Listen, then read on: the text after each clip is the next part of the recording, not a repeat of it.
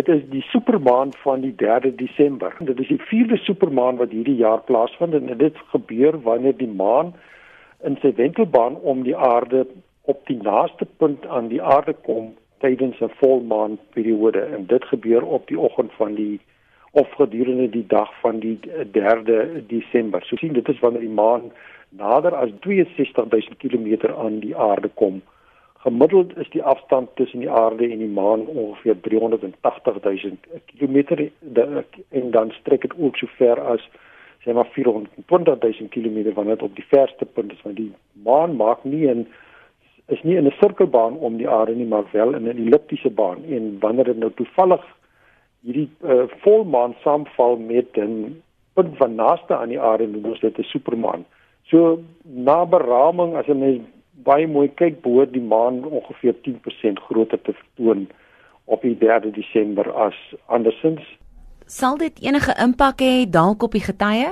Verder het dit geen nadelige effekte op ons as mense nie. Die mens kan miskien as jy baie noukeurig dop kan sien dat springgetye is ongeveer 5 cm hoër as gewoonlik, maar verder is daar nie iets verder noemenswaardig soos aardbewings of enige katastrofe wat sal saamval met eh, 'n uh, supermaan gebeurtenis. Is dit ongewoon dat dit selfs nou vir die 4de keer van jaar plaasvind? Nee, dit is nie heeltemal ongewoon nie. Dit kan gewoonlik tussen 4 en 6 keer per jaar plaasvind, maar baie keer is dit baie naby aan mekaar. Baie keer is dit meer verder van mekaar af. Die volgende baie naby punt wanneer die maan weer aan die aarde gaan kom, of die naaste van hierdie eeu is in 2034. So dit is iets nogal besonders om soms raak te sien en te onthou en miskien notisie daarvan te neem. En dan wag 'n meteorietreën ook op ons in Desember.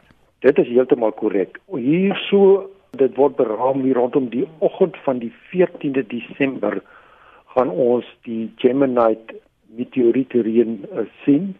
Dit is ook sigbaar redelik vroeg in die oggend. Die beste tyd om te kyk is hier 2 uur die oggend na beraming van jaar gaan ons ongeveer 120 meteoriete per uur kan raak sien.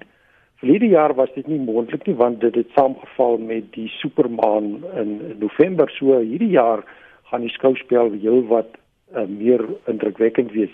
Wat interessant is van hierdie meteorietreën is dat dit nie gekoppel is aan 'n uh, komeet nie, maar wel afkomstig is van 'n asteroïde met die naam van 3200 Phaeton.